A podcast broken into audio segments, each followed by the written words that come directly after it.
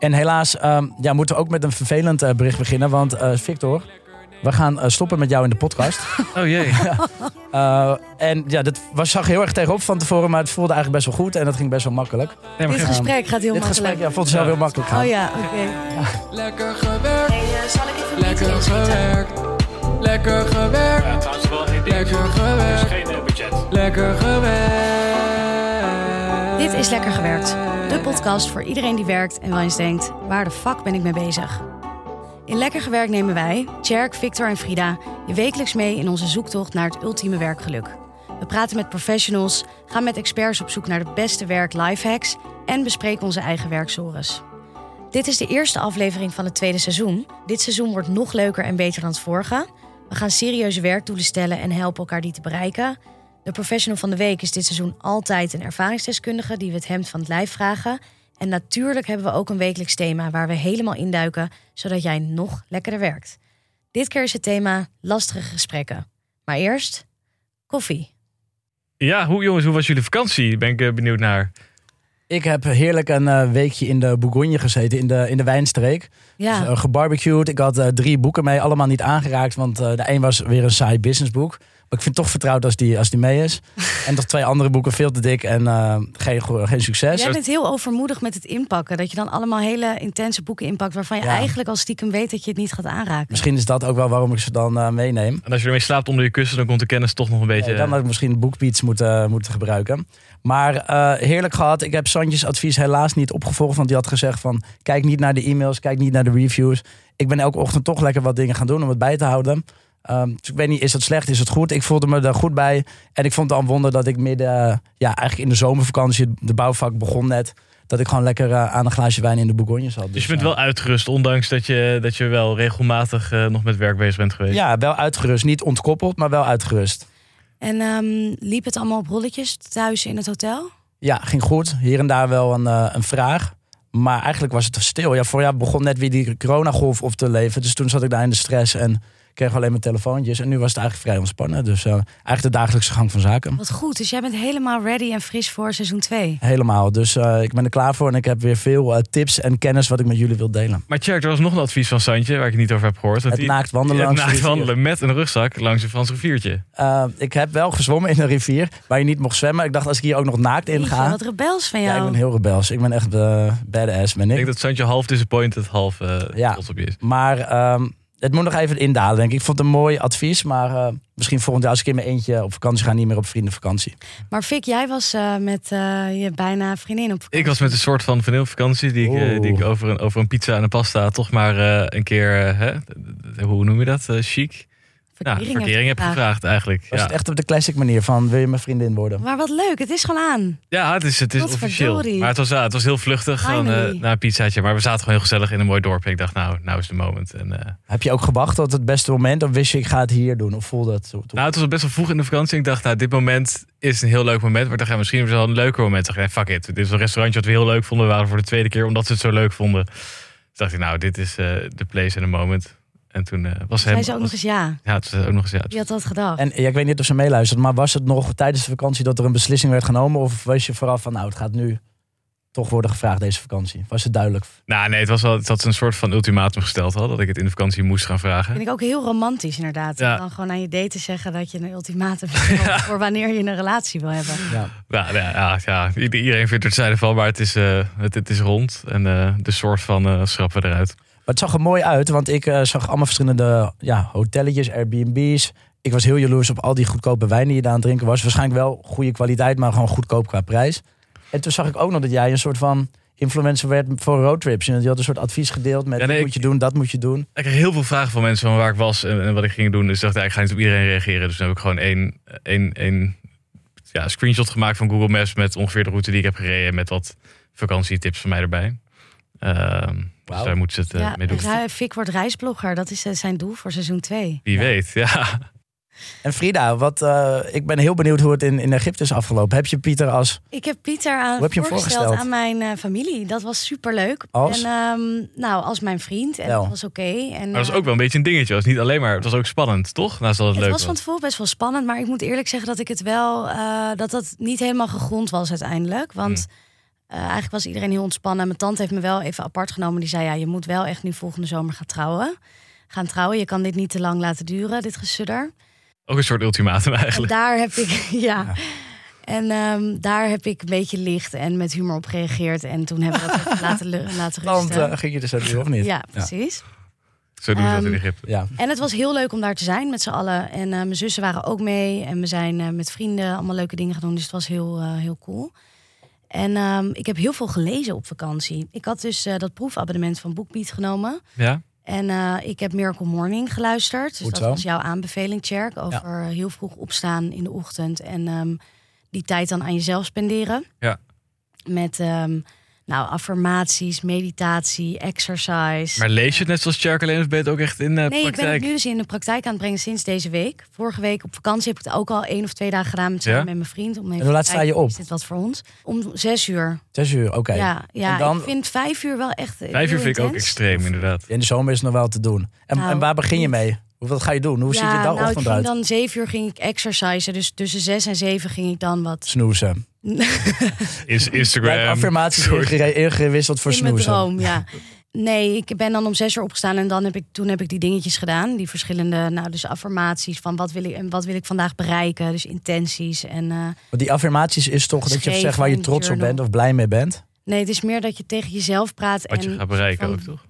wie je bent, maar wie je nu nog niet bent. Dus bijvoorbeeld, ik leef heel gezond en ik neem verantwoordelijkheid voor mijn, weet ik Maar ik- eigen ik- succes. Ik zeg maar iets. En Ja. dan is Voor dat misschien dat tot jij nu toe niet het geval geweest. Ik vond die een beetje vaag, moet ik zeggen. Maar dit zeg je in de spiegel tegen jezelf of schrijf je het op? Of, of ik denk je schrijf het het gewoon? op en ik zeg het wel hardop. Dat is een beetje awkward in het begin. Zing je maar- ook van die mandala's, of hoe heet dat, de mandala's? Hoe dat... Maar het is toch Zingen? doodeng? Nee. Maar stel je bent de buurman van Frida. Je ziet haar om, om half zes 's ochtends zo aan, aan tafel onder het lampje. Ja, maar kijk, Ik leef het is wel echt scientifically proven dat als je dus dingen tegen jezelf zegt hardop die nu nog niet zo zijn, dat je wel je brein zeg maar wired om dat te gaan geloven en dan ga je daar ook naar gedragen. Dus Ja. het voelt heel raar en het is ook heel ongemakkelijk, maar ik ga het gewoon nu een kans geven en ja, wie weet over een week denk ik dit is niks voor mij, maar voor ik vind het heel ik het tof wel wat je leuk. doet. Ik geloof er ook wel echt in hoor. Er zijn wel mensen die er zorg bij zweren dat het bijna eng is. Weet je? Die zeggen, ja, als je elke dag tegen jezelf zegt dat je miljonair gaat worden, dan ga je miljonair worden. En of dat geloof, weet ik ook niet. Maar het, het maakt wel sens. Ik denk dat je gewoon, ja, inderdaad, je hele mindset Ja. gaat dan inderdaad werken naar dat doel wat je dan voor jezelf stelt. Wat je Precies. beweert dat je aan het doen bent. En ik geloof ook wel dat daar inderdaad eh, dat wat Dus nu een week heb je een soort doel van ik ga het zo lang volhouden? Of... Nou, ik ga, het, ik, ik ga niet te streng zijn voor mezelf. Eh, dat ben ik al genoeg. Dus ik ga gewoon lekker per dag kijken van wil ik het morgen nog doen en dan ga ik het gewoon doen. Maar ik heb niet een plan van ik wil het nu zoveel dagen vol gaan houden. Nee. Ik heb daarnaast ook een boek gelezen over concentratie. En dat gaat ook heel erg over mindfulness en re- realiseren wanneer je bent afgeleid en jezelf dan weer terughalen naar wat je aan het doen bent en zo. Dus daar ben ik ook heel erg mee aan het oefenen. En Wat, hoezo deze onderwerpen? Had je, had je daar problemen of vragen over? Of hoezo? Ja, ik, ik was nooit van het non-fictie lezen. Ik vond het eigenlijk altijd vreselijk en heel erg saai. En dat komt vooral omdat er altijd heel veel herhaling zit in van die zelfontwikkelingboeken. Zeg maar, ik heb het idee dat je dat ook op één A4'tje kwijt kan, zeg maar. Ik kan me ook voorstellen dat sinds je voor jezelf werkt, dat gewoon de tijd die je hebt, het, het wordt ook daardoor misschien interessanter, toch? Want eerst had je gewoon, elke dag ging je dan naar je werk toe en daar, daar deed je gewoon je ding. Maar nu is echt, je tijd is echt je eigen tijd en je deelt zelf alles in. Ja, je bent Daardoor- wel inderdaad ja. de regisseur van je eigen Precies, dus daar zijn die tools misschien werk. ook nu interessanter als je werkleven. Ja, voor jezelf werkt. nou, voor een gedeelte. Maar het is meer gewoon dat ik dacht, ik heb zin om wat meer tijd en aandacht te besteden aan mijn eigen ontwikkeling. Dus dan ga ik daar Ja. gewoon over lezen. En ehm, het is wel een beetje saai af en toe, vind ik. Ik moet me er Ja. zelf wel toe zetten. Maar als ik eenmaal, zeg maar, de strekkingen van die boeken vind ik wel heel leuk. Dat vind ik een mooie wat je zegt. Hoe houd je dit? Jij bent heel gestructureerd. Ja, denk Valt je? het mee? Ja, in ieder geval, dat gevoel heb ik. Pretendeert ze? Nee. pretendeer je inderdaad. Hoe zorg je dat je al die, in ieder geval de belangrijkste tips of tricks uit zo'n boek, dat je dat onthoudt? Schrijf je het ergens op of tatoeëer je het? Nee, Of dat blijft gewoon-? Tatoeëerd, inderdaad. Ehm, nee, ik onthoud dat gewoon. Ja, als je dus zo'n heel boek erover leest, dan is het een elle- ellenlange herhaling van gewoon Ja. de centrale boodschap. Ja, Het is meestal niet zo ingewikkeld. die schrijf je niet ergens op. Maar je hebt ook van die ehm, apps met van die samenvattingen van Ja, dat die soort heb ik ook wel. Ja. Maar goed, dan denk ik dus dat je het minder goed internaliseert. Want dan lees je het even door en dan ga je weer door met, de, met wat je gaat doen op de dag. Ja. Met zo'n boek is dat anders. Nou, ik ben benieuwd. En gaat dus deze week vol? Ga je ook in het weekend altijd door? Of, of wat, Nee, ik ga dat niet in het weekend doen. Ik vind het echt belangrijk om in het weekend toch wel de bloemen buiten te zetten. En als je om vijf uur op moet, dan is dat niks. Ik ga ook gewoon lekker naar een festival dit weekend. Dus dit weekend ben je om vijf uur nog wakker. Wellicht. Ik ben echt zo lekker aan het knallen van de KPI. Wat vind ik in godsnaam goed personeel? Ik eh, zal even een meeting inschieten, guys. Ja, nee jongens, wacht En we hebben dit seizoen iets heel leuks. Ehm, we hebben van veel luisteraars gehoord dat ze ook graag wat concrete tips en tricks zouden willen om hun werkende leven wat leuker of beter te maken. Eh, dus daar zijn we mee aan de slag gegaan. En nu hebben we naast de reguliere afleveringen van Lekker Gewerkt dit seizoen ook een extra interviewserie. eh, met experts die tips gaan delen om ons werkende leven dus eh, up te graden. En die komt elke woensdag in de lucht. Deze week heb ik gesproken met Sophie van Gool van Salarisstijger over salarisonderhandelen. Voor veel mensen is salarisonderhandelen echt een typisch lastig gesprek. Eh, dus hoe kop je nou toch die verhoging binnen, ondanks dat? Eh, woensdag komt de hele aflevering online, maar hier alvast een kleine teaser. Dus als je geen nee krijgt, dan weet je van oké, je hebt geld laten liggen, je hebt te laag ingezet. En ook dat het dus niet per se voor je spreekt. Of zo ja, bescheidenheid is goed, maar je moet ook weer niet te bescheiden zijn. Weet je wel, dan denk je van oké, maar je bent wel HR-manager. Je moet hier straks ook voor ons gaan onderhandelen. Ja, eh, je Ja. moet wel een beetje. eh, ja, ik hoor het ook wel eens om me heen dat iemand dan een offer krijgt en dat gewoon aanneemt Ja. voor een vaste baan. Dus ook niet eens voor een klus. Ja. En dan eh, aangeeft van ja, ik ben gewoon heel blij met dit bedrag Ja. en ik ga al heel erg omhoog versus wat ik hiervoor heb verdiend. Ja. En dan eh, gaat het mij ook altijd borrelen. Ja. Dan denk ik, oeh, hier valt misschien nog wat meer te halen. Precies.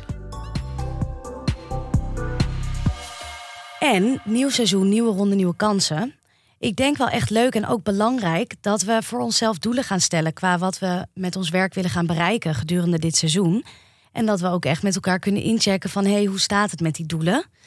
Ehm, wat vinden jullie van dat idee? Ja, ik vind het een eh, heel goed idee. Voor mij was vorig seizoen nog best wel veel terugkijken ook naar eh, boekings, eigenlijk een beetje naar het verleden. En het lijkt me heel leuk om, ja, en gewoon voor mezelf een uitdagend doel te stellen. En ook ja, een soort stok achter de deur om elke week met iets nieuws te komen. Eh, zowel naar, naar jullie, maar ook naar iedereen die luistert. Dat je een soort van gemotiveerd wordt om eh, Ja, nou, het bedrijf of persoonlijk te laten groeien. Dus ik ben wel enthousiast. we Ja. worden gewoon accountability partners. Ja, ja, hetzelfde geldt voor mij. Ik, ben, ik was natuurlijk begin van het vorige seizoen op zoek naar een baan. Dat is totaal de andere kant op eh, geëscaleerd. En nu dat ineens mijn baan is, dus eh, nu ik voor mezelf werk, is er ook wel inderdaad eh, ruimte om echt een doel te stellen en te kijken wat wil ik hier nou echt mee bereiken. Zag ik ook even goed over nadenken hoe ik dat voor mezelf wil formuleren. Zullen we dan afspreken dat we daar allemaal mee aan de slag gaan deze week? En dat we volgende aflevering die doelen met elkaar eh, gaan delen? Ja, en, dan, en dus een eh, doel op, op, ja, op zakelijk niveau, niet alleen op persoonlijk niveau. Nou, als jouw eh, werkdoel gaat over jouw persoonlijke ontwikkeling, kan dat natuurlijk ook. Oké. Niet zo bekrompen, Jerk. Ja, nee, daar gaan we over, eh, ga ik over nadenken. En helaas ehm, ja, moeten we ook met een vervelend bericht beginnen. Want eh, Victor, we gaan eh, stoppen met jou in de podcast. Oh jee. Eh, en ja, dat was, zag heel erg tegenop van tevoren, maar het voelde eigenlijk best wel goed. En dat ging best wel makkelijk. Nee, maar Dit geen, gesprek gaat heel Dit makkelijk. gesprek ja, vond het zelf Ja. heel makkelijk gaan. Oh ja, geen oké. probleem, Jerk. Ik kan stop, als jullie liever met z'n tweeën doorgaan, dan vind ik dat helemaal niet erg. Eh, ja. Ehm, nou, gelukkig, Vic, ga jij goddank niet bij ons weg. Maar we gaan het vandaag wel hebben over lastige gesprekken. En dit was een heel mooi voorbeeld daarvan. ja, ik ben nog steeds helemaal een beetje van, ontdaan van dit gesprek al. Nou, ik heb het idee dat je heel makkelijk afging. Welke gesprekken vinden jullie lastig in, eh, in werk? Ja, ik vind vooral eh, ja, eigenlijk kleine dingetjes die je, die je of, of grote dingen, maar gewoon met iemand waarmee je werkt, waarmee je daarna ook nog moet werken, eh, vind ik altijd lastig. Dus stel je hebt een collega en je vindt gewoon of een houding van die persoon niet chill, of je denkt dat, dat die op, niet op een goede manier met een project of met een klant of, of met Mhm. collega's omgaat. Eh, ik vind het altijd moeilijk om de, de harmonie en de sfeer te interrupten. Ik ben sowieso best wel een conflictontwijker als het daarop aankomt. Ehm, Ik dus- herinner me ook dat ik jou een keer feedback gaf en dat jij toen zei: laten we het wel even gezellig houden. En dat Ja. ik echt dacht: nou, ik vind het helemaal gezellig. Dat heeft er niks mee te maken. Ik wil gewoon dit delen. ja. Als het Dus via ik de app herken gaat, dit dan heel erg. Nee, dus dat, dat, dat vind ik lastig. Maar ik vind inderdaad vooral lastig als je daarna nog met die persoon moet dealen. Want wat heel veel andere mensen bijvoorbeeld last vinden is een ontslag. Ehm, ik heb eens een keer ontslag genomen. Natuurlijk zit je daar wel een beetje tegenaan van hoe ga je het zeggen en wanneer. En op welke manier. Maar ik, ik vind dat altijd wel iets, dat doe je. Daarna ben je weg en dat is dan klaar. Dus daarom dat kijk vind ik wel makkelijk, af. dat gesprek vind ja, dat, lastig. er zit minder nasleep in. Natuurlijk wel voor jezelf of wat je dan gaat doen of zo. Maar niet met de persoon of met het bedrijf waarmee je... En die gesprekken die dan wel lastig zijn, wat maakt het dan... Wat maakt het dan lastig? Omdat je met die mensen nog moet optrekken of hoe ze reageren of dat de band anders is of waar? Nou, je gooit, je gooit eigenlijk een soort, eh, weet ik veel, stront in de, in de van. En er gebeurt iets en je weet gewoon niet hoe iemand daarop gaat reageren. Of dat, dat het iets, ja, inderdaad in de sfeer of in de harmonie verandert. eh, hoe lang dat duurt voordat het hersteld is. Of misschien is iemand wel ineens helemaal gewoon open ervoor en zegt van... hé, geen probleem. Ja, of scha- is het jouw schuld als iemand niet goed reageert op feedback? Ja, dat ligt eraan. Maar ja, ja, soms kan je het misschien niet tactisch brengen. Dus ik denk, je moet gewoon ja, focussen op jouw deel als er een moeilijk gesprek is. Van, stel je, je brengt de feedback, doe het zo tactisch mogelijk, zo helder mogelijk. Eh, maar wel denk ik ook gewoon direct. Ehm, Ja, want het is wel interessant, want als diegene er helemaal niet goed op gaat en het verstoort de harmonie, terwijl jij het eigenlijk gewoon heel eh, Ja. goed hebt gebracht, ja, dan ligt dat natuurlijk wel helemaal bij die persoon, dat die er niet mee kan dealen. 100% ja, een lastig gesprek en natuurlijk altijd twee kanten. Dus het is belangrijk dat degene die het begint daar goed over na heeft gedacht. Maar ook degene die erop reageert. Het heeft natuurlijk geen voorbereidingstijd. Het is natuurlijk wel een lastige positie. Maar eh, ja, Want met wie heb jij nu nog lastige gesprekken? Nu je TikTok-ster bent. Ja, eigenlijk eh, vrij weinig. Met mezelf in de spiegel elke ochtend. Maar ja, nee, ik heb momenteel niet echt moeilijke gesprekken. Ik heb wel gewoon onderhandelingen, maar dat vind ik maar eigenlijk doe jij die maar zelf? onderhandelingen? Ja, ja, ja, ja, tenminste voor alles wat ik zelf binnenhaal, wat bijna nog allemaal klussen zijn, doe ik zelf de onderhandelingen. Maar dat vind ik juist ook een heel leuk deel van mijn werk. Eh, en dat vind ik nooit echt lastig. Ik zie het altijd meer als een soort spelletje. Ja, want jij noemde net dat je ontslag eh, helemaal niet moeilijk vond. Ja, ik vond dat dus heel lastig. Het voelde voor mij echt alsof ik mijn relatie ging uitmaken. En ik las een stukje op Forbes dat eh, er heel veel nou, Gen Z'ers zijn die gewoon tegenwoordig hun baan opzeggen. En dat ze dat dan op TikTok zetten. Dus dat ze hun baas dan hebben gefilmd. Eigenlijk een soort bananensplit. Maar zitten ze dan met een cameraatje gewoon zo? ja, dus dan dat stiekem, filmen ze dan gewoon. Ah, Of ze, of ze ontslaan, of ze dienen hun ontslag in via tekst. En dan zetten ze gewoon die screenshots online. what a time to be alive. Toch? Ja, eh, zou je, zou, wat vind jij juridisch? daarvan? Ja, als je, als je bijbaantje is bij de McDonald's. Het is zo, ik zou nooit eh, ontslag nemen via een, een appje. Het ligt, ja, je weet nooit echt wat de situatie is. Weet je, wel. misschien is die baas gewoon echt een lul en heeft hij echt veel mensen slecht behandeld. En is het er gewoon even lekker voor omdat hij op het internet staat, weet je wel, met zijn gedrag. Aan de andere kant denk ik van ja, Nee, ik vind dat echt niet kunnen. zijn. Ik vind dat echt niet kunnen. Om iemand zomaar te filmen in zo'n werkomgeving vind ik best heftig. ja vind ik ja, ook heftig. Het zijn ook veel mensen die hopen dat er iets raars gaat gebeuren. En dat ze dan de, ja, hopen op een viral video of zo. Ja. Dus eh, Ja, ja. Ja, misschien, eh, misschien word jij ook wel een keer gefilmd, Cherk, als iemand zijn ontslag indient bij jou in ik hoop dat dat niet uitlekt. Want Maar dat jij zou wel eh, redelijk schadelijk zijn. denk ik. Wat jij zegt over dat ontslag nemen, is natuurlijk dat het voor jou lastiger was, is natuurlijk ook heel anders. Want ik heb eigenlijk pas één keer echt ontslag genomen bij een baan die ik een jaar had. Ja, eh, waar ik niet helemaal op mijn plek zat. Als je negen jaar ergens zit, is dat natuurlijk ook wel een heel... zes jaar. Ja, klopt. Nee, ik voelde, het voelde voor mij inderdaad gewoon als een soort van breuk met de loyaliteit die ik zo lang had gehad met dat bedrijf. En daarom vond ik het heel moeilijk om dat één op één te gaan zeggen tegen mijn bazin. Maar, en dat is lastiger, maar ook je toekomstperspectief voor jezelf, de impact die het gaat hebben, is natuurlijk ook veel spannender als je echt zes jaar iets hebt gedaan en daar stap je vanaf. Klopt. Want voor de biergigant zat jij toen in Berlijn, dat je ontslag nam. Ja. Dus die bazin, daar had je niet echt per se iets mee. Nou, daar had ik wel een jaar mee gewerkt en ik kende haar van, daarvoor ook Ah, al. ik had daarvoor ook al wel met haar gewerkt. Dan grappig dat je het alleen vanwege het bedrijf dat het dan een lastig gesprek is. Nou, het was ook wel gewoon voor haar. Ja, zij was op dat moment de representatie voor mij van dat bedrijf, zeg maar. En als, als manager heb jij veel ja, feedbackgesprekken moeten voeren? Of Ja, ik heb met één iemand die echt heel erg underperformde... ehm veel gesprekken gevoerd. En uiteindelijk dus ook... ehm, nou, ik heb hem niet ontslagen. Dat had ik eigenlijk moeten doen. Ik heb daar te lang mee gewacht. Dus dat is heel erg, denk ik, dat ik hem te vaak nog een kans heb gegeven om zich te verbeteren. Maar hij stond er eigenlijk helemaal niet voor open. En hij was best wel, eh, nou, hij zat heel negatief erin. En kon er dus ook niet zo goed achter komen wat voor hem het probleem was. Eh, dus dat waren echt hele moeilijke gesprekken. Als iemand super gesloten is, dan kom je Ja. eigenlijk nergens. Weet je? En dan kan je trekken en duwen wat je wil, maar dan gebeurt er weinig. Ja. En is het dan lastig omdat het gesprek lastig gaat? Of voelt het voor jou, is het emotioneel ook zwaar? Ik vind het ook of is het gesprek emotioneel zwaar. Omdat je eigenlijk iemand vertelt dat hij iets niet goed doet. En dat daar mogelijk hele grote consequenties aan verbonden zijn. Dat, dat maakt het wel best wel beladen. Je wil dan dat Ehm, iemand opent en daarop ingaat en ook laat Ja. zien van hé, hey, ik vond het zo of nee, ik ben het er niet meer. Maar als iemand dan heel erg Als iemand het Ja. niet, niet zo goed doet op zijn werk, maar die staat heel erg open om te verbeteren, dan zijn dat vaak hele leuke gesprekken. Omdat je echt samen gaat nadenken over wat iemand anders kan doen of eh, waar de kansen liggen, zeg maar. Ja. Eh, maar als iemand daar niet voor open staat, ja, dan wordt het gewoon heel lastig. Maar ik merk nu juist met het freelancen dat, eh, dat feedback geven over de situatie bij een klant soms lastig is, omdat je zo afhankelijk zelf bent van hem. Ja. Ja. ja, Ehm, je bedoelt dat jij iets ja, misschien opbouwends of negatiefs, laten we zo noemen, zegt. En dat je bang bent of dat het effect heeft op jou. Precies, van of ze mij nog wel gaan inhuren als ik tegen hen zeg dat ik vind. Ik had bijvoorbeeld een, een gesprek bij een klant een tijdje terug. En ik vond dat er iets in die meeting werd gezegd wat eigenlijk licht racistisch was. Maar wat iemand. Tegen jou of over het Nee, niet algemeen? tegen mij, over iemand die er niet bij was. Maar wat een beetje soort van. eh, het ging over de naam van die persoon. En ze van ja, dat is echt een naam eh, alsof het uit de Lion King komt. Eh, terwijl ja, ik vind eigenlijk dat je dat niet zomaar kan zeggen over iemand met een buitenlandse naam. Vind ik gewoon respectloos. Ja. En ehm, ik heb dat op dat moment, ik schrok heel erg van dat zij die opmerking maakte, want hij kwam ook heel bot uit de hoek. En ik denk dat als ik in mijn, bij een werkgever had gezeten, dan had ik veel makkelijker, denk ik, tegen een collega of zo gezegd van, joh, eh, dat kan je eigenlijk niet zo zeggen. Of denk er eens aan hoe dat overkomt. En in dit geval schrok ik ervan. En in de split second heb ik toen besloten om er niks van te zeggen. Ja, want je bent toch ook bang dat zij denken, ja, wat een zeikwijf, we vinden wel iemand anders voor Ja, de klus. En dan, ja, terwijl eigenlijk van Hou je zij daarvan dat, achteraf? Ja, want ik denk eigenlijk van als zij mij dan een zijkwijf hadden gevonden, dan had ik misschien ook niet Nee. per se voor hun meer willen werken. Dan Ja. stroken we Ja. gewoon niet Dat, qua maar dat is ook heel anders. Hè? Ik zou sneller inderdaad ook een, een eenmalige opdracht voor een merk doen waarvan je denkt, hmm, je zou er nooit fulltime gaan werken, maar voor de ene klus denk je dan misschien, ja, weet je, whatever, een maandje, een weekje, wat het dan ook is. Ja, Want dat is ook als jij bij de biergigant zit en dan eh, heb je ook de klant-relatie.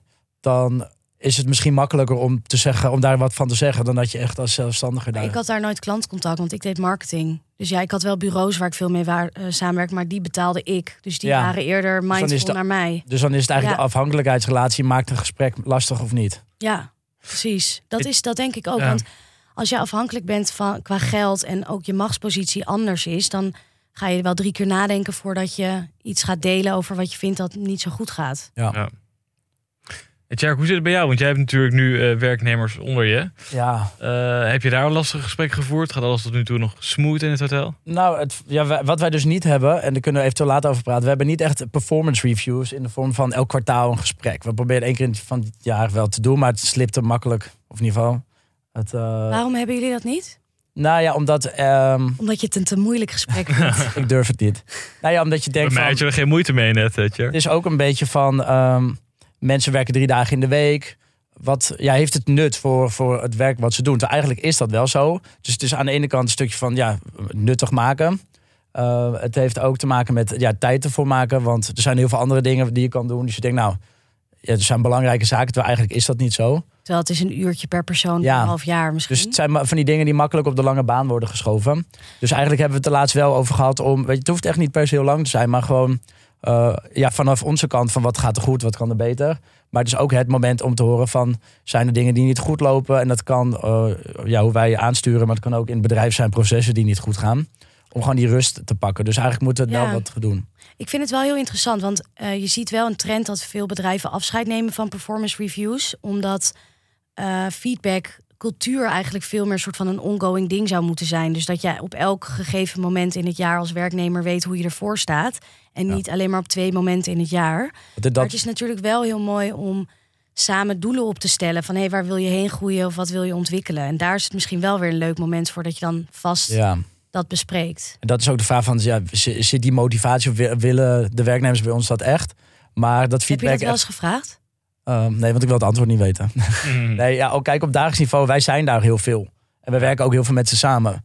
Dus er is gewoon heel veel, ja, of aansturing. En dat vind ik nog misschien het lastige, om Victor op jouw vraag terug te komen. Je, kan- je wil geen micromanager zijn. Ik wil niet dat alles benoemen wat niet goed gaat. Ja. Maar een goed voorbeeld is laatst met het ontbijt. Dan eh, hebben allemaal mensen bordjes op tafel, staat het helemaal vol. Toen had ik op een gegeven moment gezegd van, als jullie langslopen, loop nooit met lege handen. Neem gewoon een bordje mee of iets kleins, want dan scheelt het en werk op het Nooit einde met met af. Nooit met lege handen, dat is een goede tip. Dat werd heel goed opgepakt. Maar vervolgens zag ik dat die tafels gewoon met, in noodvaart werden gewoon helemaal leeggetrokken. Alsof, alsof de volgende mensen stonden te wachten. En iemand had gewoon nog de laatste hap in zijn mond. Ja, gewoon En- voor het, voor het je kopje koffie, eh, zeg maar, na het laatste slok weer Ja, wordt gezet. Dus ik probeer nog een soort van damage control te doen op het moment zelf. Want ik was er ook bij van nou, anders kunnen we dit nog even laten staan. Maar daar hadden ze geen boodschap aan, want die tafel moest leeg. Ja, Ehm, en toen dacht later wij, oké, ik moet dus duidelijker zijn van... Weet je, maar wat ga ik dan zeggen? Je moet het bord laten staan en de messen laten liggen. Weet ja, je, dat hoe voelt ook specifiek te specifiek. Ja. Eh, en dat vind ik wel lastig. Dus weet je, hoeveel sturing ga je geven? Hoeveel tijd geef je om iemand... te- Maar het is wel ook een compliment waard van wauw, ik vind het echt heel bijzonder dat je dit zo positief oppakt. Je bent er echt mee aan de slag gegaan. Ja. Die, borden, die tafels Ja. zijn allemaal leeg. U roept, wij draaien. Die tafels gaan leeg. Die mensen Ja. gaan eruit. Precies. Dus eh, nou ja, meer, ja ik, ik snap wel dat dat, dat, dat dat een vraag is van hoe micromanaging wil je het hebben. Zeker in een hotel waar je dus heel veel verschillende kleine klusjes hebt die Ja. je weet het ook ziet van elkaar. Ja, en het is ook leuk als mensen hun eigen invulling eraan kunnen eh, geven. Er moet een soort van basis zijn. Dus dat vind ik wel, eh, wel lastig. Ik zou wel een, een, een performance review invoeren. Ik wil het ook wel. eh, want wij hebben ook Green Key, dat is een soort van duurzaamheidslabel. Dus voor sowieso voor, ja, voor uitstoten, voor hoe je opereert. Maar daar zit dus ook je personeelsbeleid in. Mhm. En daarin werd ook geadviseerd om dus die, die reviews te hebben. Dat willen we, ja, willen we er ook wel in. Weet je dat ook zo'n review is natuurlijk niet alleen maar feedback geven, maar het is natuurlijk ook van hoe voel je nu? Zijn er nog dingen die jij kwijt wil? Weet je dat is het ook.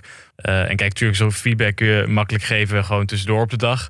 Maar weet ik veel, als iemand ergens mee zit of die wil een bepaald doel bereiken, dat ga je niet, dat kun je niet even tussen Ja, neus en lippen door. eh, ik heb voor ja, ik heb nog één. Ja, ik wil nog wel één ding vertellen. Want ik heb Nou, echt bijna geen mensen. Nou, geen mensen voor mij hoeven ontslaan of, of mensen gaan gewoon weg. Maar er was voor jou een, een mevrouw die kwam van een 65 plus uitzendbureau.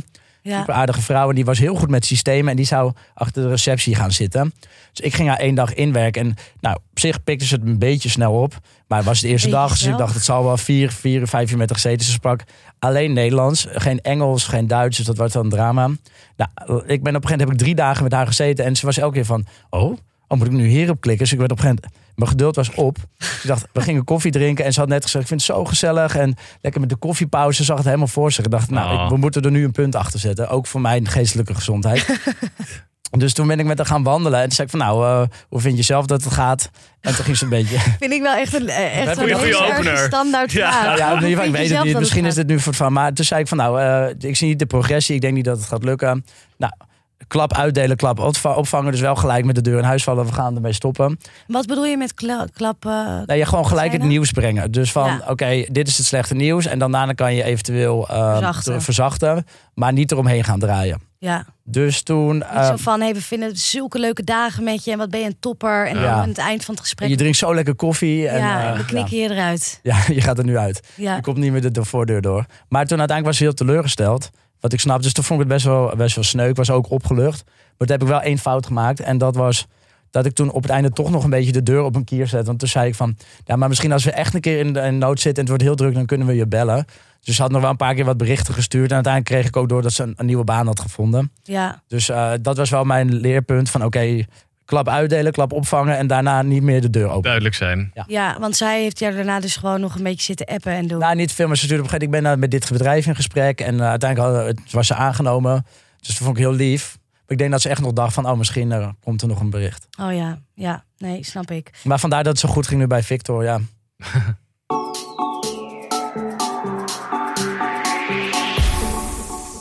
Hey boys, weten jullie wat een vakbond is? Als ik denk aan vakbond, dan denk ik altijd zo'n zo'n jaarlijks evenement in het Oosterpark. Met allemaal 50-plussers die daar in rode hesjes met grijze Ik denk ook aan protesteren en na het vuist in de lucht. Ja, Ja, ja. Ja, best wel ook een beetje een stoffig imago, toch? ja, zeker. Ja, maar ik onderschat wel vaak hoe groot ze zijn. Want soms hoor je weer wat voor leden allemaal achter zitten. denk ik, oh, dit is best wel groot. Ja. ja, ik denk ook van dat het soms zo stoffig is, omdat het dan iets van vroeger is. Weet je, jij zegt dan ook 50 plus en eh, Ja. protesteren en zo. Maar ehm, nou, we hebben een sponsor dit seizoen. En dat is Probeer de Bond. En die zijn onderdeel van vakbond CNV Vakmensen. En wat zij doen is dus eigenlijk totaal niet stoffig. Eh, dus zij helpen studenten en jonge werknemers met alle vragen rondom werk. En hebben allemaal experts in huis die je via Insta, DM en WhatsApp gewoon kan contacten. Eh, nou, dus van salarisonderhandelingen, conflicten met werkgevers, regels over stagevergoedingen, you name it. Ehm, nou, dan hoef je dus zelf veel minder uit te zoeken en je kan het gewoon even vragen aan de bond. Eh, en dat is wel leuk, want wij hebben geregeld zelf natuurlijk ook best wel veel vragen over werk. Dus misschien moeten we in de volgende aflevering gewoon even de bond vragen. Nou, Dus kunnen we aan de bond vragen of je je contract kan opzeggen via TikTok. Ja, dat leuke rechtsgeldig is. en of je zomaar in een podcastaflevering eruit geknikkerd mag worden. Ah, ja, nou, daar heb ik toevallig al wat onderzoek naar gedaan. Dus eh, je wordt zo opgehaald bij de deur, Victor.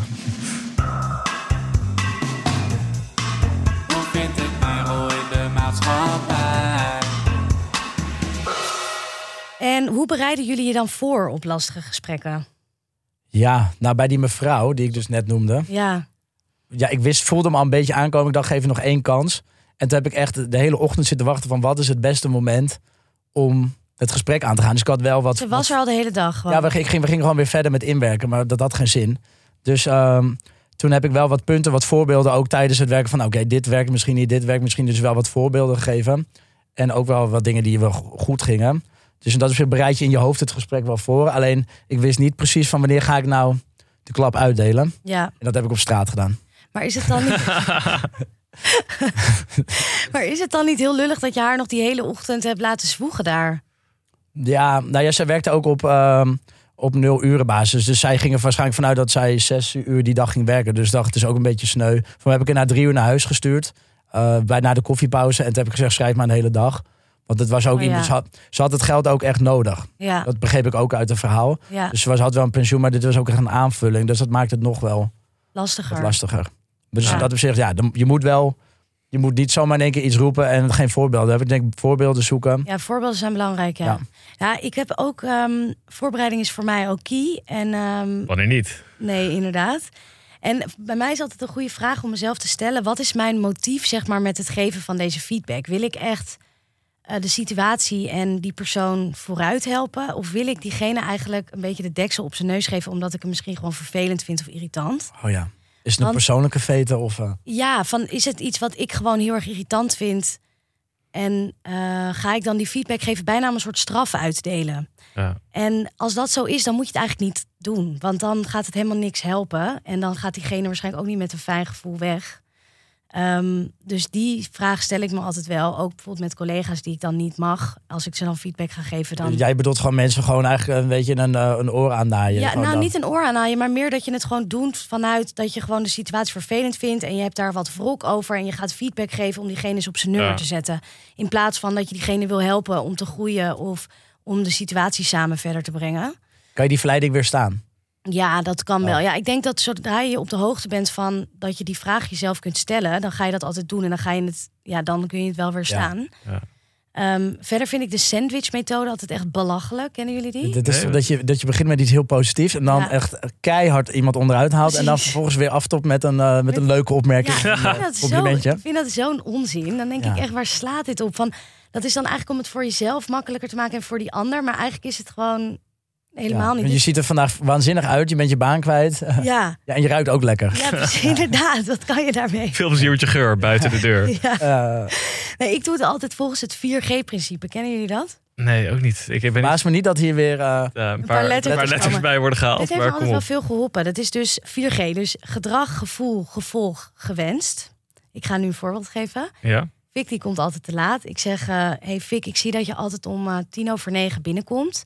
Eh, terwijl we hebben afgesproken dat we altijd om negen uur beginnen. Het geeft mij eigenlijk het gevoel, met een G, dat jij wat we hier aan het doen zijn gewoon niet zo serieus neemt. En het gevolg daarvan is dat ik eigenlijk niet met zo'n lekker gevoel die opname inga. En dat ik denk, ja jeetje, eh, we zitten hier niet met dezelfde instelling. En eh, ik zou het eigenlijk heel fijn vinden, gewenst. Ehm, als je voortaan wel om negen uur er bent of even laat weten wat er aan de hand is, dan kunnen we allemaal rekening houden. Kunnen we misschien om half tien beginnen. Is goed, ik ga op tijd komen. Maar weet je wat ik wel met, met dit soort modellen... Kijk, het legt die 3G's legt gewoon super goed inderdaad. 4G, sorry. Legt super dan doe je het weer. Ja, maar, het, maar het gaat goed van het begin naar het einde. Van het probleem, eh, hoe voel ik er bij Maar toch vind ik dat het lastig. Ligt ook heel erg aan waar het over gaat natuurlijk. Maar stel deze situatie zou echt zijn dat ik te laat zou komen... zou ik echt mezelf opvreten als iemand met zo'n model op me af zou komen... en het zo helemaal zou weerleggen in zo'n... Snap je? Dan denk Ja, ik je gewoon... vindt het te formeel. En met zoiets wil ik gewoon zeggen, iemand fik, kom op gas, kom op tijd. Zijn er altijd allemaal op tijd. Doe even je best, weet je wel. Het is irritant als je altijd laat bent. Maar dat, dat vind ik Ja. toch wat als iemand zegt van, yo, gast. Maar dit is ook wel heel erg erbovenop. Maar uiteindelijk is het een soort skill die je moet aanleren. Want ik je hebt ook wel van dat je met empathie tonen zijn wel bepaalde dingen die hoef je er niet zo dik bovenop te leggen. Ja, Maar Maar dat je daar een soort korte Kijk, versie voor doet. heel veel mensen kan dit heel erg helpen, omdat ze gewoon zo enorm opzien tegen zo'n lastig gesprek, dat het het heel erg ja, structureert. maar, En die vinden het niet makkelijk om te zeggen: hey, Fik, gozer, kom even op tijd. nee, maar je moet, dat toch moet je altijd kijken ook naar je leidend voorwerp en naar het onderwerp van waar de feedback gaat. Inderdaad, toch van zit. Want ik denk dat jij wel zou realiseren, stel je zou het echt, ik zou echt te laat zijn, je zou het echt willen zeggen. Zou je vast wel snappen dat ik echt niet zit te wachten op zo'n Zo'n lang. Nee, 4G-methode. Het is natuurlijk een best wel lange methode voor inderdaad misschien iets kleins dat Ja. iemand een paar keer te laat komt. Maar als het iets groots is, dan kan het zeker wel helpen. Want je Ja. houdt het wel ook bij jezelf. Want ik zeg, ik vind het lastig en het heeft op mij een bepaald Ja. effect. In plaats van, gozer, wat de fuck, kom op tijd. ja, Ja. Want dat is, dan leg je het probleem bij de ander neer. Terwijl nu zeg je, hé, hey, ik heb hier last van. ja. Die gebruikte jij ook echt eh, bij de ja, maar nu nog steeds wel zo. Ja, Dus vind ik... eh, Heb jij nog, eh eh, letter H, houdt het kort, bijvoorbeeld iets in die kant? Of heb jij nog een tip? Nog nieuwe letters. heeft. Nee, maar ik denk wel, zeg maar, ik- normaal qua voorbereiding, Frida bereidt alles tot in de puntje voor. Ik ben meestal wat nonchalanter. Maar ik vind met lastige gesprekken, ehm, wat ik bij mijn vorige baan had, dat waren eigenlijk de enige dingen die ik wel ook echt goed voorbereidde. Dat is eigenlijk vooral, zeg maar, stel je doet een presentatie over iets aan een collega of je, je, hebt, je hebt een soort meeting over een campagne die eraan komt en je denkt daarna van, oh shit, dit wil ik ook nog zeggen, maar ben ik even vergeten. Dan is dat geen probleem. Dan ga je erheen en zeg je, oh ja, trouwens, dit ook nog even. Maar bij een lastig gesprek is wel, zeg maar, het is vaak best wel een, een grens die je over moet om zo'n gesprek aan te gaan. Als je er dan bent of je bent ermee bezig, dan is het ook belangrijk dat je alles zegt wat je gezegd wil hebben. En ook je punt gemaakt hebt. En, Ja, dat je eh, later nog denkt nee, van, precies. oh dat shit. je later inderdaad nog denkt van, want je, dat, je gaat dan niet terug. Je Je gaat niet nog een keer zo'n gesprek Ja. aan. Dat is gewoon lastig. dat is zeker een goeie. En dat, daarom denk ik ook dat die voorbereiding key is, toch? Ja, 100%. Ja. In dit soort gevallen ben, ja, ben, ik, het- ben ik het met je eens. Maar hebben jullie niet ook heel vaak dat je zeg maar een lastig gesprek hebt gevoerd? Bijvoorbeeld vanuit dat iemand anders het heeft geïnitieerd. En dat je dan later in bed ligt en denkt, oh kut, ik had dit moeten zeggen. 100%. Ja. Iedereen Dat heb ik gewoon ja. zo En dan, ga je en dan ben je heel sterk in je verhaal. En dan, en dan, dan heb je een, een Ja. tegenargument. En Ja, dan heb je wel op de fiets naar huis heb je helemaal op een rijtje gezet wat diegene zei en wat jij er tegen had Ja. kunnen zeggen om goed punt te maken. Supreme als je alleen maar Ja. aan het piepen. Maar vanaf nu dus de Ja. 4G's. Dus eh, Ja, 4G's, ik vind het heel erg werken. Nou, en ik had nog even in Harvard Business Review eh, wat eh, opgezocht over feedback. En daar stond ook met eh, performance reviews dat als je je heel erg focust op ehm, wat er niet goed gaat, dat dat neuroscientifically, op neurowetenschappelijke basis, helemaal niet zo goed werkt bij degene voor wie het is. Dus dat je je veel beter ontwikkelt als je eigenlijk hoort wat je sterke punten zijn en dat je je daarop focust, in plaats van op wat er niet goed gaat. Dus dat is misschien nog ik wel... wel goed, ja. Maar de punten die niet goed gaan, laat je dan gewoon voor wat het is. En je gaat Nou- gewoon vanuit van, blijkbaar ligt het die persoon niet. Dus we gaan er ook niets over zeggen. Nee, ik denk wel dat je het kan benoemen, maar ik zou er niet te veel op inzoomen als iemand verder gewoon allerlei dingen wel heel goed doet. Ja, dus Omdat gewoon, het gewoon een beetje wat negativiteit ook brengt, volgens ja, mij. dus gewoon een negatieve dit punt. Eigenlijk gewoon 20, 30% max van het gesprek houden. En vooral focussen op de... Want ik snap heel erg wel de, het idee erachter van... oké, als je bedoelt wat iemand goed doet, dan is diegene trots... en dan gaat hij dat sterker doen. Maar als je dan nog steeds de, ja, de negatieve kanten erbij houdt... Ja, dan, is, dan lijkt het me wel Ja. lastig. Is ook zo. En ik denk ook van, kijk, dit kan je natuurlijk heel makkelijk zeggen als je iemand hebt die gewoon prima performt. Maar als er echt problemen zijn, ja, dan moet je dat wel bespreken. Ja. Eh, en dan is misschien die 4G-methode weer. Professional van de week. Dit seizoen nodigen wij de professional van de week uit voor een telefoongesprek. En vragen we elke week een professional die ervaringsdeskundige is op het thema van de aflevering. En de professional van deze week is Hans Ober. Hans is co-founder en CEO van Ticketswap en heeft in die rol ook een aantal lastige gesprekken moeten voeren. Aan het begin van de coronacrisis is Ticketswap veel in het nieuws geweest omdat er werknemers moesten vertrekken. Eh, en we zijn benieuwd hoe Hans die lastige gesprekken heeft aangepakt. Laten we hem bellen. Hey, Hey Hans, goedemiddag. Je spreekt hier met eh, Frida, Victor en Tjerk van, eh, van Lekker Gewerkt. Hey Hans. Hey. Hoi. goedemiddag. Hey, ehm, om een idee te krijgen van de situatie toen der tijd. Hoeveel gesprekken hebben jullie moeten voeren bij Ticketswap? Eh, wij hebben uiteindelijk 35 mensen een aanbod gedaan om te vertrekken. Ja, En daarvan heb ik dus gesprekken niet zelf gevoerd, want ik was eigenlijk van geen van die mensen de hiring manager. Dus we vinden het altijd belangrijk dat degene die je aanneemt ook degene is die eh, afscheid van je neemt in die zin. ja. Maar hoe bereid jij die hiring managers voor op zulke lastige gesprekken? Heb je daar een algemene training voor? Of Nou, in principe eh, zorgen we dat er met, met dit soort gesprekken gewoon echt een soort van draaiboekje klaar ligt. En onze HR-afdeling die helpt daar dan, dan mee. Uh, maar wat het inhoudt is in ieder geval, kijk, je hebt zo'n gesprek, hoe laat voel je dat, waarom is dat zo? Ik heb wel eens een, zelf een gesprek gevoerd aan het eind van de dag. Ik dacht van, nou ja, uh, hè, dan zit je niet nog een dag met een rotgevoel. Maar ja, toen kreeg ik daarna weer, van, ja, dan laat je me hier de hele dag zitten terwijl je het al wist. Dus Oh ja. ja, daarom doen we het ook weer uh, wat eerder op de dag. Uh, in, ja, uiteindelijk is het gewoon heel belangrijk dat er. Dat, hè, mensen kunnen ook emotioneel worden, dus dat daar rekening mee gehouden wordt. Uh, Hoe hou je daar ja, rekening mee? Nou, kijk, we hebben bijvoorbeeld iemand gehad waarvan, waar, waar ik echt ook heel nauw betrokken was, die we, nou, waar we afscheid van gingen nemen. En daar hebben we tegen gezegd van ja, sorry. En dat was eigenlijk gewoon een contract niet verlengen. Maar bij ons gaat, is in principe wel een beetje de standaardregel. Je contract wordt verlengd en anders weet je het. En zij voelden het dus blijkbaar niet echt aankomen. En toen hebben we nou, dat gesprek gehad. En we wisten van, nou, het kan twee kanten op gaan. Of hè, ze vindt het prima, of ze, gaat, ze wordt echt boos. Mhm. En toen hebben we echt gezorgd dat, dat, nou ja, dat er een plannetje was van oké, hoe gaat het met haar, haar spulletjes ophalen bij de bureau en eh, hoe gaan we het met collega's communiceren. Oh, dat was echt En- van tevoren allemaal over Ja, nagedacht. want, als- want als jij te horen krijgt van helemaal als het echt niet eens als het gewoon echt een ontslag op staande voeten is, van hoe ga je daarmee om? In principe moet je ook iemand zo snel mogelijk uit je systemen, uit je gebouw eigenlijk ook hebben. Eh, wat natuurlijk super ja, mensonterend is in, in die zin. Eh, maar ja, het is ook voor de veiligheid. Hè, iedereen kan bij ons in ons eh, systeem, bij alle tickets, bij persoonsgegevens. Dus ja, het is wel zaak dat je zorgt dat de juiste stappen voorbereid zijn.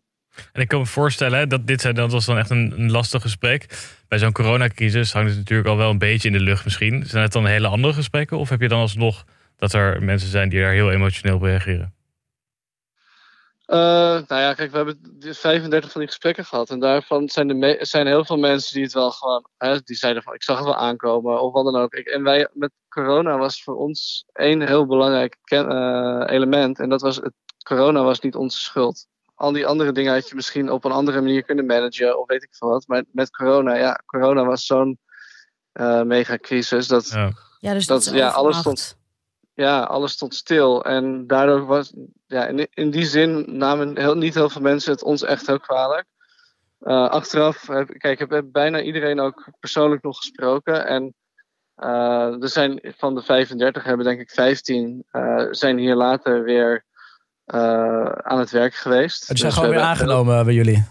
ja, we hebben heel veel mensen weer teruggehaald op het moment eh, dat wij weer gingen zoeken naar nieuwe mensen. Want we hebben ook gezegd van we helpen jullie met het vinden van nieuw werk. Want we hadden een recruiter ook zitten die, ja, die in principe geen functie had. Want we gingen die periode echt niet recruiten. Dus die hebben we juist nou ja, achterstevoren aan het werk gezet om mensen ergens anders onderdak te kunnen bieden. Oh, dat is echt top.